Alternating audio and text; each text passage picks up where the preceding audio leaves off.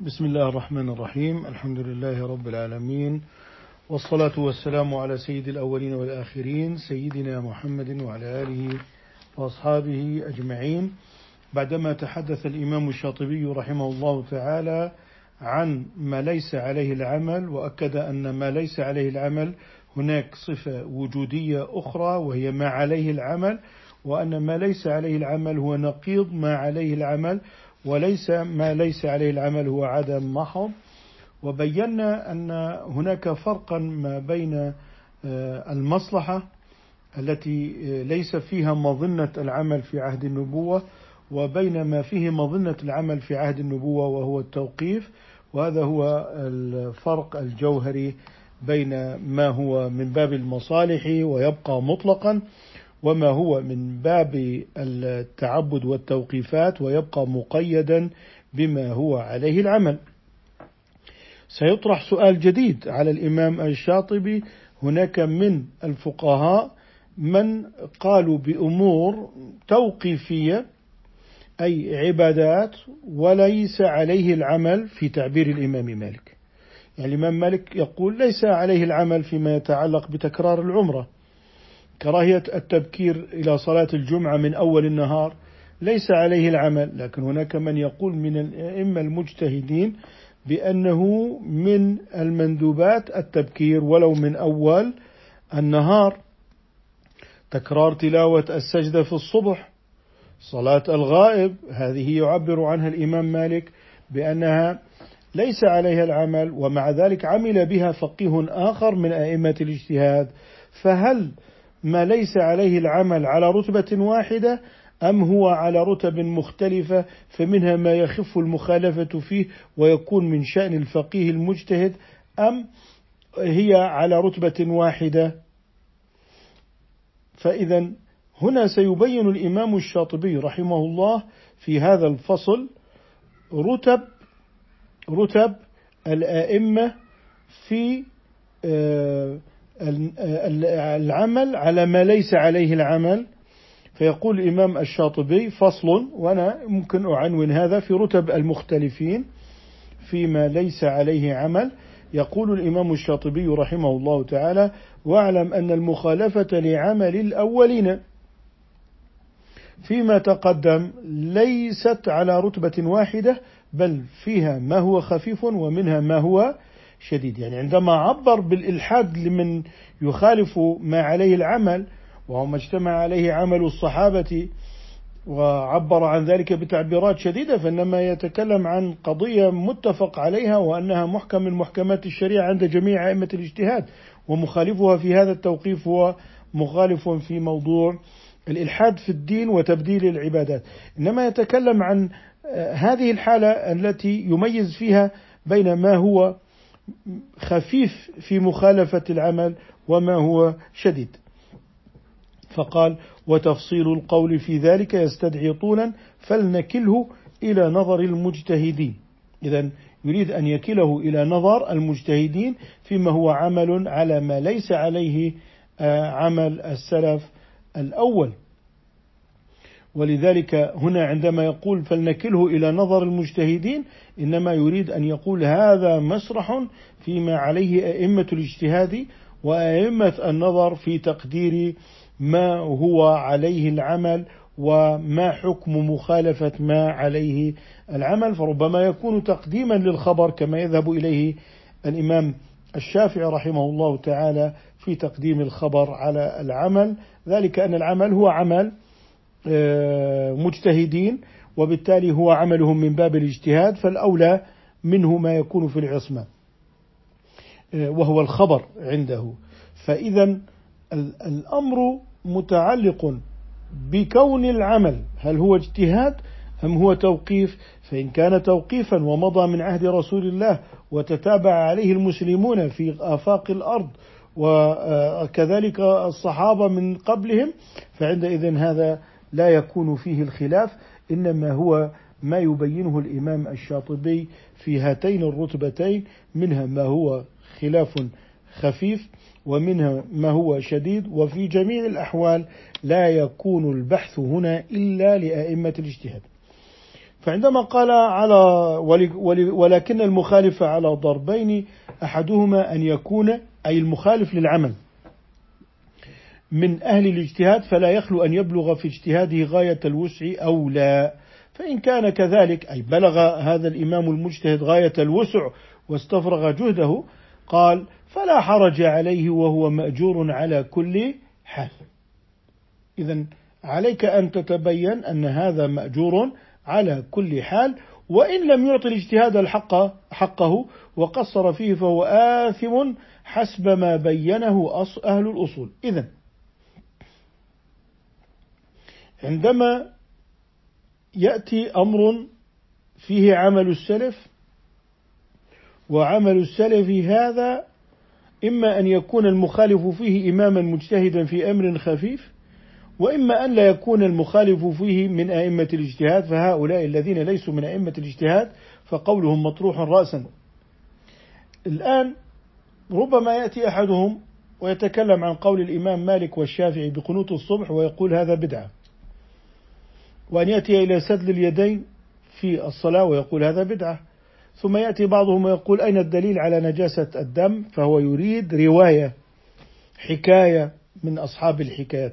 لكن عمل الأمة في نجاسة الدم وأنه يغسل منه وأنه يطهر منه فهذا العمل بالنسبة له, له غير داخل في مفهوم الأدلة بسبب الحالة الورقية التي انتشرت بين المسلمين فيصبح السؤال ما الدليل على نجاسة الدم؟ وكأنه من المعجزات والمحيرات ومن محارات العقول والأدلة وما إلى ذلك مع أن هذا لو سئله صبي في عهد السلف والقرون الأولى لاستغرب السؤال كمن يسأل هل السكر حلو عندنا اليوم. إذا آه الإمام مالك وجدهم في الاعتكاف يصومون.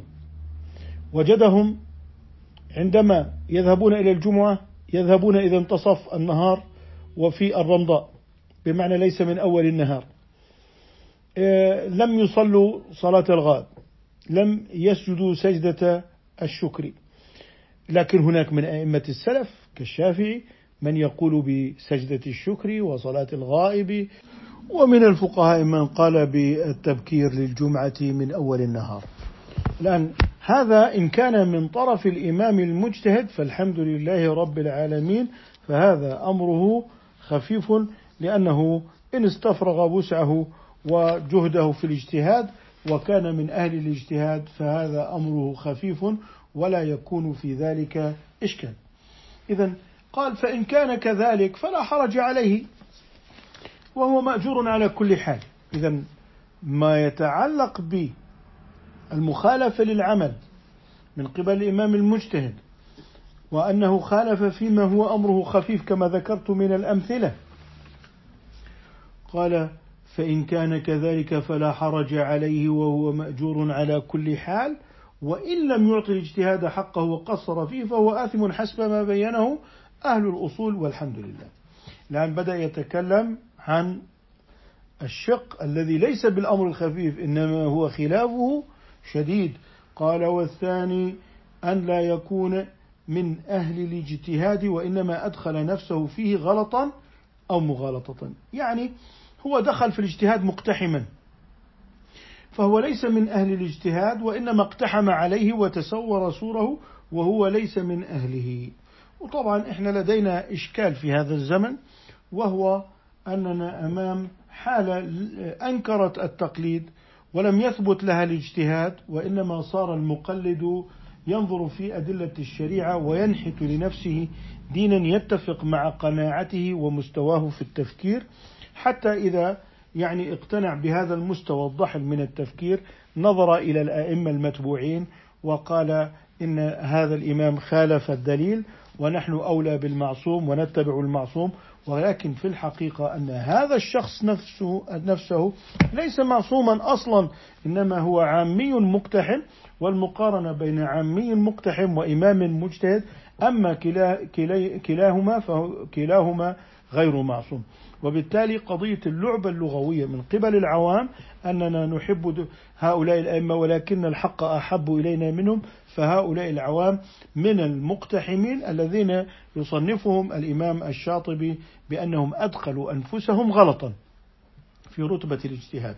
وبالتالي هؤلاء العوام ليسوا من محط النظر في هذه الأدلة بدليل أصلا أن عمل الأمة أخرجوه من أدلة الشريعة وجحدوا السنة العملية المحكمة وذهبوا إلى السنة القولية والفعلية المروية في الدواوين فتشابهت عليهم بسبب إلغائهم محكم العمل فهؤلاء أصلا لا يكونون من أهل النظر ولا من أهل الاجتهاد لأنهم لم يحصروا أدلتهم ولم يبينوا قواعدها إنما هم من المتسورين لمحراب الاجتهاد. إذا في هذا يقول إنه أقحم نفسه وأدخل نفسه فيه غلطا أي أنه ليس من أهل الاجتهاد وغلط في الاجتهاد. يعني عندنا أخطأ فاجتهد هذا أخطأ فاجتهد وليس كالأئمة اجتهد فأخطأ. إذا الإمام اجتهد فأخطأ فله أجر هذا صحيح. أما هذا العامي الذي دخل غلطا في وأدخل نفسه غلطا في النظر فهذا نقول عنه إنه أقحم نفسه وأخطأ فاجتهد وليس اجتهد فأخطأ لأن اجتهاده لا لا يعتد به. قال إذ لم يشهد له بالاستحقاق أهل الرتبة ولا رأوه أهلا للدخول معهم فهذا مذموم. يعني ترى من لا يحسن القراءة حاضرا وترى من لم يبرع في علوم العربية ولم يبرع في علوم الأصول ولم يبرع في خلاف الفقهاء إنما هو معرض عنهم ابتداء ومعرض عن مصادر المذاهب الفقهية ابتداء وإذا أراد أن يدرس مذهبا فإنما يدرسه لأجل التدريب على هذه الجثة كيف يعني يرجح وكيف يتعلم كيف يتكلم هؤلاء الناس ليشابههم في طريقة الكلام وإن كان لا يشابههم في العلم وإنما شابههم في الإعلام لا في الحقيقة والعلم. إذا هذا الذي لم يشهد له العلماء وإنما هو مقتحم كما هو الشأن في انقلاب العامة إلى آه، أن يصبحوا هم المتصدرين. آه، ثم بعد ذلك آه، ينقضون على الأئمة ويقولون الحق أحب إلينا منهم والله نحبهم. وما إلى ذلك من هذه التلفيقات اللغوية التي مع الأسف الشديد يعني تخدع العوام وتلهي العوام بهذه الأفكار وتوهم أن هؤلاء القوم يسيرون على جادة آه، الأئمة المجتهدين. ثم يقول الإمام الشاطبي وقلما وقلما تقع المخالفة لعمل المتقدمين المستمر. وأصف هنا عمل المتقدمين بالمستمر أنهم داوموا عليه وأنهم لم يتركوه ويفعلوه. هذا ما قصدته بقول المستمر. قال وقلما تقع المخالفة لعمل المتقدمين إلا من هذا القسم وهو قسم الذين أدخلوا أنفسهم غلطا أو مغالطة. لأن المجتهدين وإن اختلفوا فالأمر العام في المسائل التي اختلفوا فيها أن لا يختلفوا إلا فيما اختلف فيه الأولون. إذا الأمر العام أن هؤلاء الأئمة عندما تتعدد أقوال الصحابة وتتعدد مذاهب الصحابة تتعدد أقوال الأئمة وهم لا يخرجون عن الخلاف الذي بين الصحابة رضي الله تعالى عنهم. لذلك آه، هذا الذي اختلف فيه الأئمة المجتهدون كالشافعي ومالك إنما هو من باب تعدد اجتهادات الأولين. قال فالأمر العام في المسائل أن لا يختلفوا إلا فيما اختلف فيه الأولون أو في مسألة من موارد الظنون أي مظنة العمل به هل عملوا به أم لا. إذا هو من موارد الظنون من حيث أنهم عملوا به أم لا. طيب أننا نقول لم يعملوا به لا العلم بالعدم يختلف عن عدم العلم. يعني أن تقول والله لم يفعله الصحابة. أنت تحتاج إلى استقراء. لكن هل عدم العلم بالشيء أي عدم الورود عدم الثبوت يعني العلم بالعدم يعني فعلا هم لم يعملوا؟ إذا هناك سؤال. أنا لا أعلم إذا كان خالد في الدار. قد يكون فعلا في الدار. إذا عدم العلم لا يعني أن خالدا ليس في الدار. هذا الذي نكرره نقول عدم العلم لا يعني العلم بالعدم. فلا يعني أنك لا تعلم إن كان خالد خالد في الدار أم لا أن تقول خالد ليس في الدار. كذلك أنت تقول لم يرد لم يثبت إلى آخر ذلك. أنت تقلب الصفحات والأوراق وهناك عمل الأمة المستمر وهو أوسع بكثير مما هو في السنة المدونة. لذلك الخطورة هي في جحود السنة المستمرة في العمل وهذا قد يخفى على الناس آه، أن جحود المذاهب المتبوعة هو جحود السنة المستمرة من قبل السلف وقد يغيب عن الناس هذا الجحود للسنة ثم بعد ذلك يذهبون إلى تأويل النصوص التي تتشابه كثيرا إن لم ترد إلى السنة المحكمة في عمل السلف. إذا قال آه، أو في مسألة من مسائل الظنون لا ذكر لهم أي للأولين فيها أي في هذه المسألة. فالأول أي فيما ظهر فيه اختلاف الأولين يلزم منه اختلاف الأولين في العمل. يعني وردني عمل السلف بهذين الأمرين. قال والثاني يلزم منه الجريان على ما ورد فيه العمل. يعني الثاني المتردد الذي هو مظنة العمل به ومظنة عدم العمل به. يعني ماذا يقصد بكلمة الثاني؟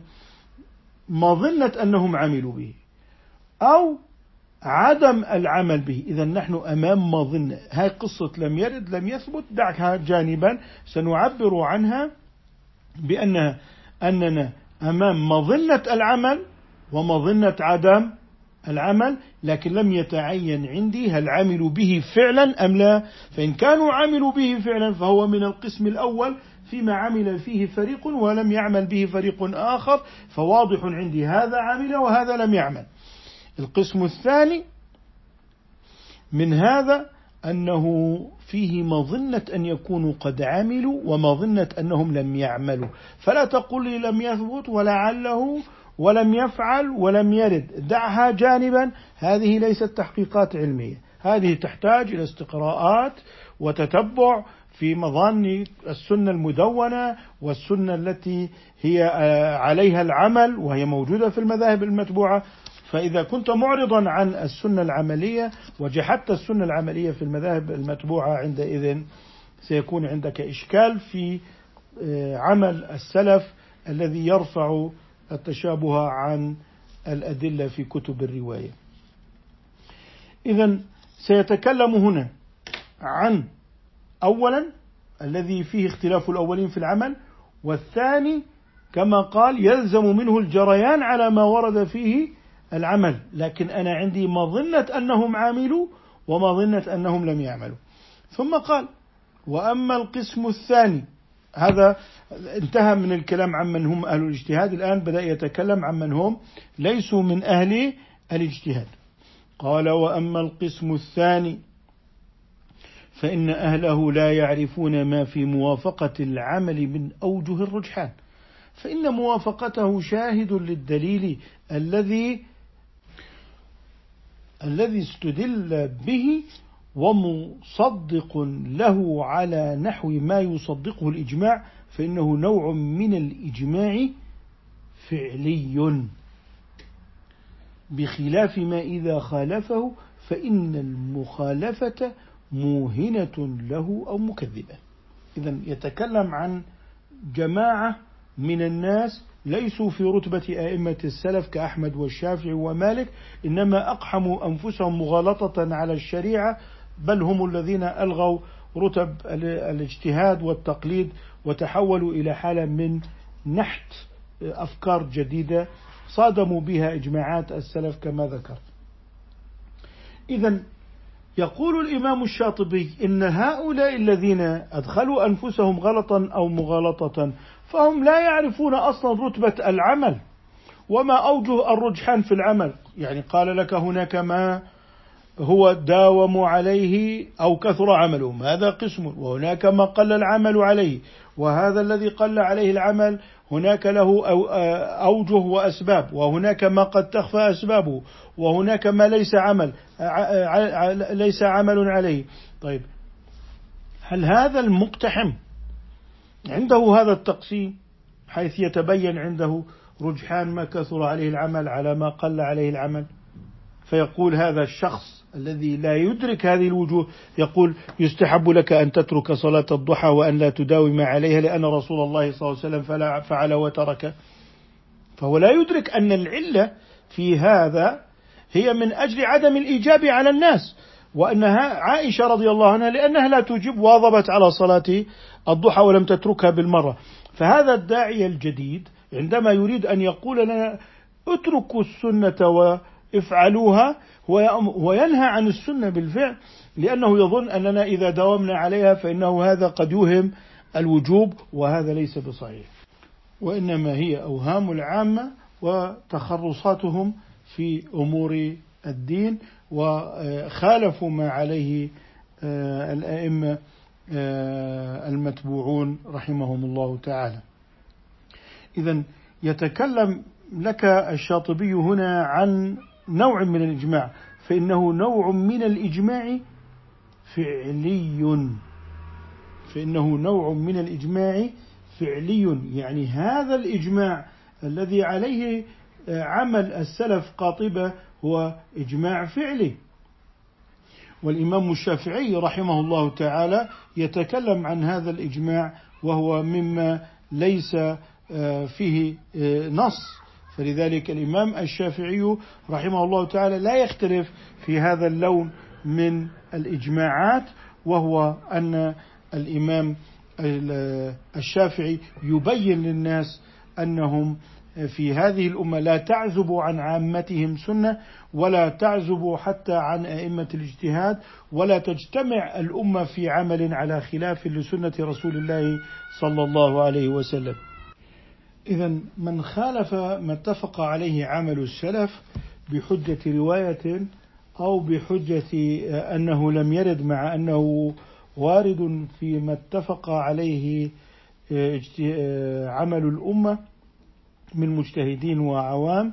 كما بين الشافعي أن الأمة لا تترك سنة لرسول الله صلى الله عليه وسلم فإن لم تكن محكية بنص فهي السنة العملية. كما قلت في موضوع مسافة القصر وكثير من المسائل التي عملت بها الأمة ولم تذكر لها نصوص في آه، كتب الرواية المدونة.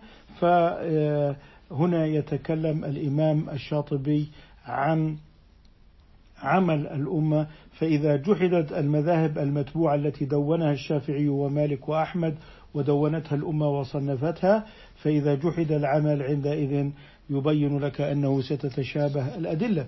فقال رحمه الله تعالى وأيضا فإن العمل أي عمل السلف وأيضا فإن العمل مخلص للأدلة من شوائب المحامل أي ما تحمل عليه من حملها على العام أم على الخاص آه، تحمل على المطلق أم المقيد تحمل على الحقيقة أو المجاز وما إلى ذلك من هذه المحامل. التي هي صفة في السامع وهو المجتهد. ولذلك يبين لك رحمه الله تعالى أن عمل السلف قاطع لتلك الاحتمالات بمعنى أنه سيحكم الاحتمالات في السنة المروية. إذا قال وأيضا فإن العمل مخلص للأدلة من شوائب المحامل المقدرة الموهنة. العوارض العشرة قد يعرض لها إشكالات من قبيل اللغة من قبيل النقل من قبيل العموم والخصوص والإطلاق والتقييد والحقيقة والمجاز. فإذا عمل به السلف عندئذ نقول إن هذا العمل مخلص لهذه الأدلة من احتمالات حتى السند حتى الضعف في السند. ولما سئل الإمام أحمد رحمه الله تعالى عن دليل وقيل له أنت ضعفت هذا الدليل مع أنه يستدل به. قال عليه العمل. قال عليه العمل. إذا مذهب الإمام أحمد أن العمل بالسنة من قبل الصحابة ومن قبل التابعين والسلف الأول بمعنى أن هذا العمل هو المحكم. ولو جاء بسند منقطع أو بسند معضل فإنه لا يضعف العمل به ويجب العمل. هذه هي سنة السلف. لذلك من الناس من يعني قال عن أحمد لا دليل له على بعض الأشياء فالإمام أحمد يحتج بالعمل وهذا الذي قال لا دليل على اشتراط الثخانة الزائدة في الخف.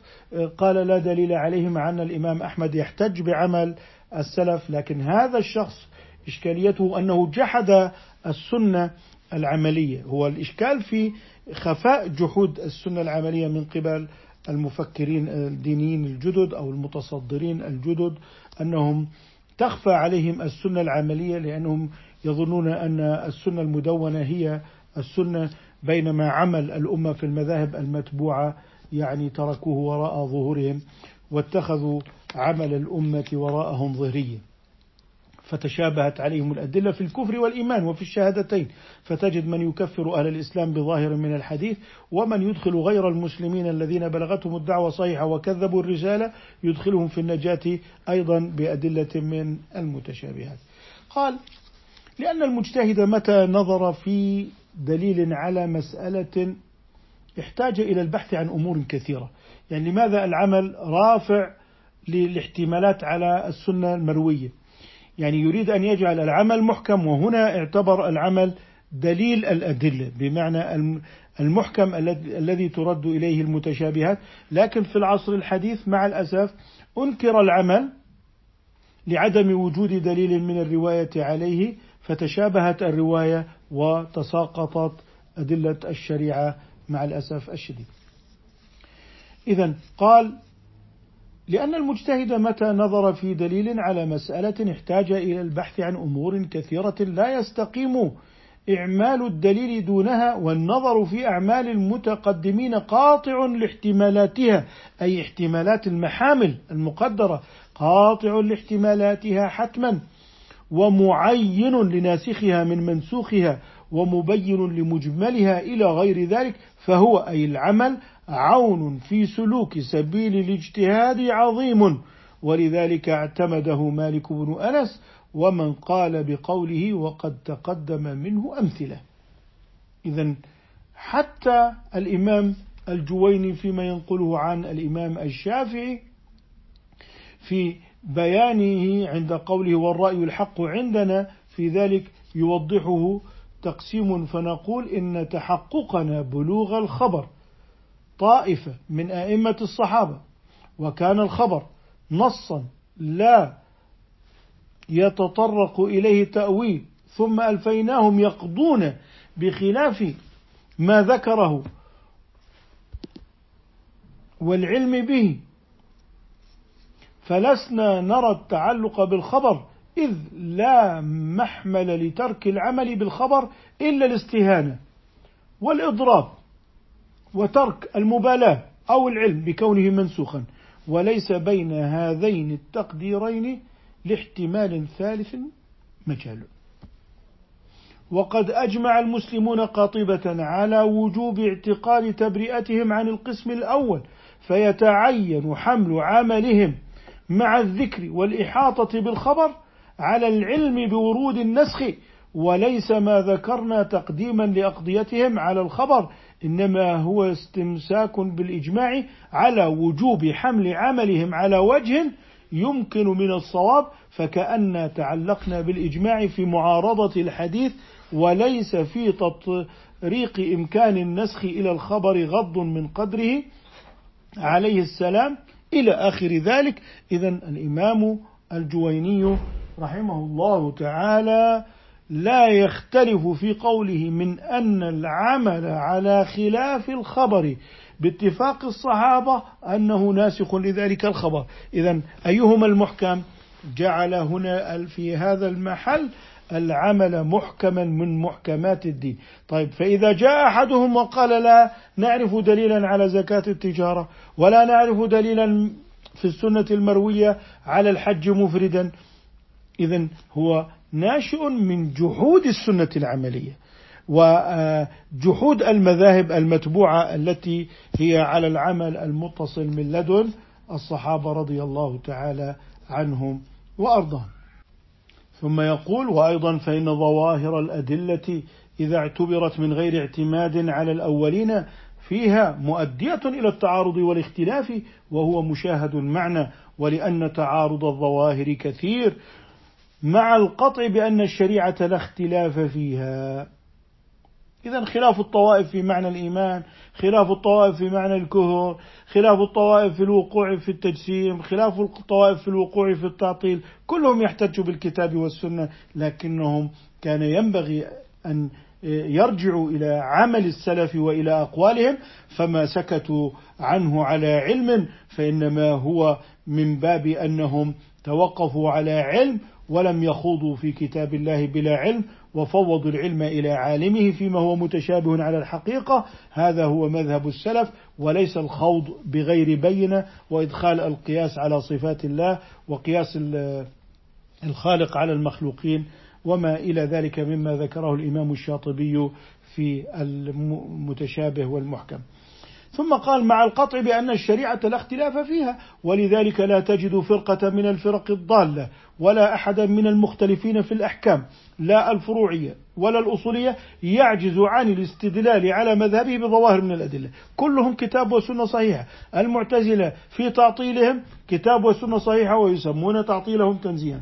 الكرامية والحلولية يأتون بالكتاب والسنة الصحيحة ويغبرون بها وجوه العامة فيقولون إن الإله أصبح نسبيا مع الطبيعة وهناك معنى مشترك بين الله ومخلوقاته ويأتون بمثل هذا لكنهم لن يأتوا على أقوالهم.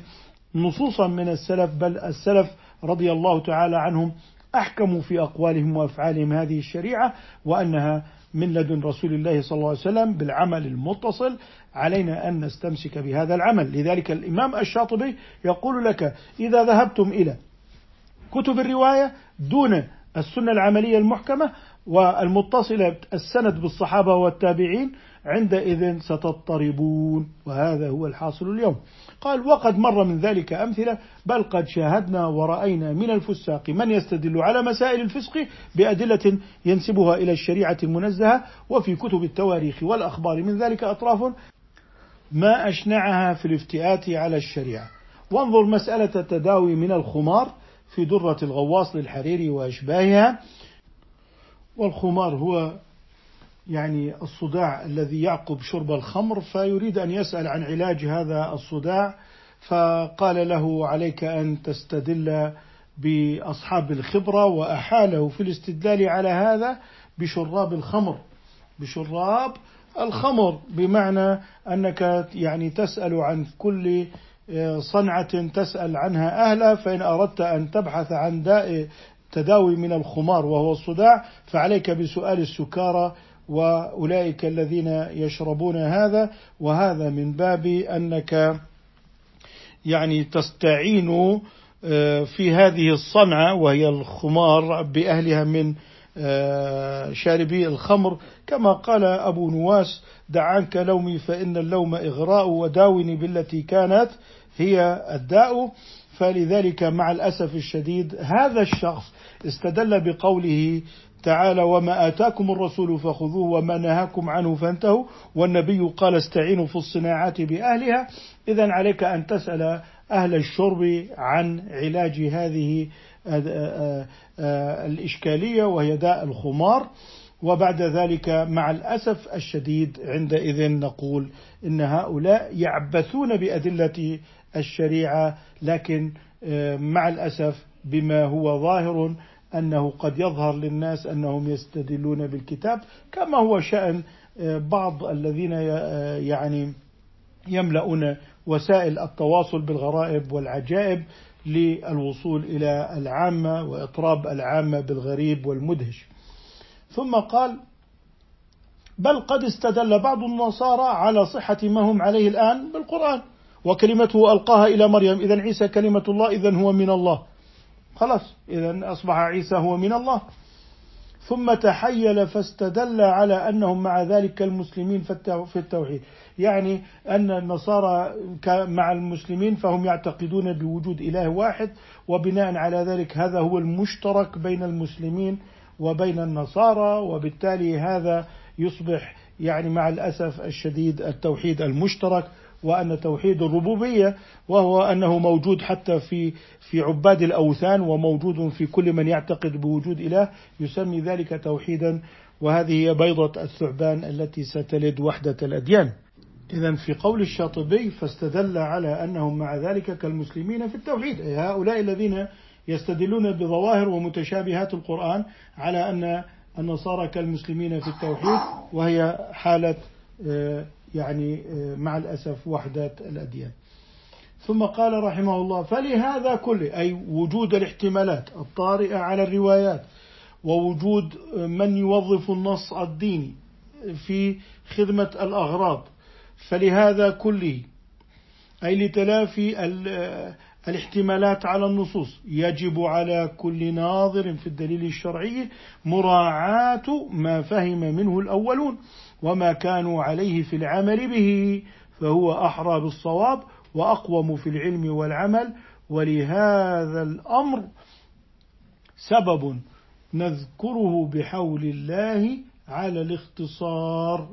إذا سيتكلم فيما بعد عن توظيف النص من أجل الأغراض. يعني إذا نحن تمسكنا بعمل السلف والسنة العملية في المذاهب المتبوعة وما عليه عمل الأولين كما هو مذهب مالك في تفسير صلاة الجنازة وفي تفسير الاعتكاف وكما هو مذهب أبي حنيفة في عمل الصحابة في العراق وما إلى ذلك ثم جاء بعد ذلك أئمة العمل والرواية كالشافعي وأحمد رضي الله عنهم عندئذ ستنضبط الشريعة. وبخلاف هذا فإن الشريعة ستصبح جملة من النصوص الموهمة التي تكثر عليها الاحتمالات وعندئذ جحد هؤلاء الناس السنة العملية ثم ذهبوا إلى كتب الرواية فحاولوا أن يفهموها دون محكم السنة العملية في عمل الأولين فاشتبهت عليهم وقالوا لا دليل عليه وقالوا عما اتفقت عليه المذاهب الأربعة المتبوعة لا دليل عليه كقضاء الصلوات المتروكة عمدا فجحدوا قضاء الصلوات وأسقطوا صدقة الفطر بعد صلاة العيد بحجة رواية. فإنها صدقة من الصدقات وهكذا بدأ الانحلال في الدين من الدين نفسه وانقلاب داخلي داخل التدين.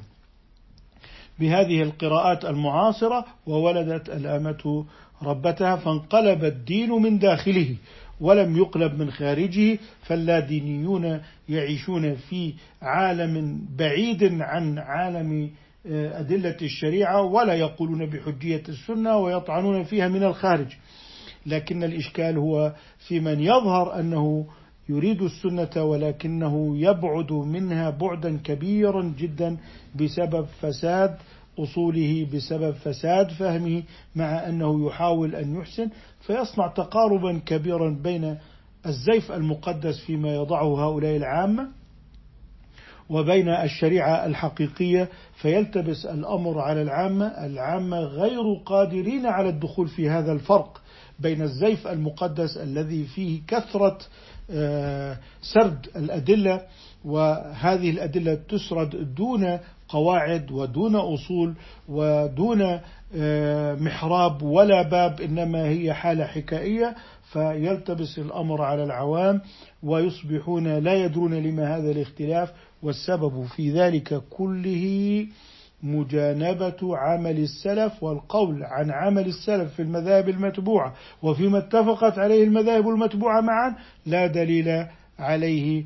وهذا بسبب جحود السنة العملية المتصلة بالصحابة رضي الله تعالى عنهم إلى حد أن يقال إن صلاة التراويح عشرين ركعة من البدع. فما بعد ذلك يمكن أن يكون. هل هو إشكال في التراويح أم هو إشكال كبير في المنهج في فهم آه، كليات الشريعة وأدلتها؟ هذا أدى إلى مثل هذه الأفهام المغلوطة.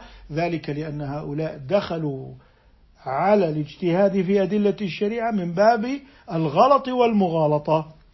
إلى أن يقول آه، إن صح الحديث فهو مذهبي فيرد كلام الشافعي.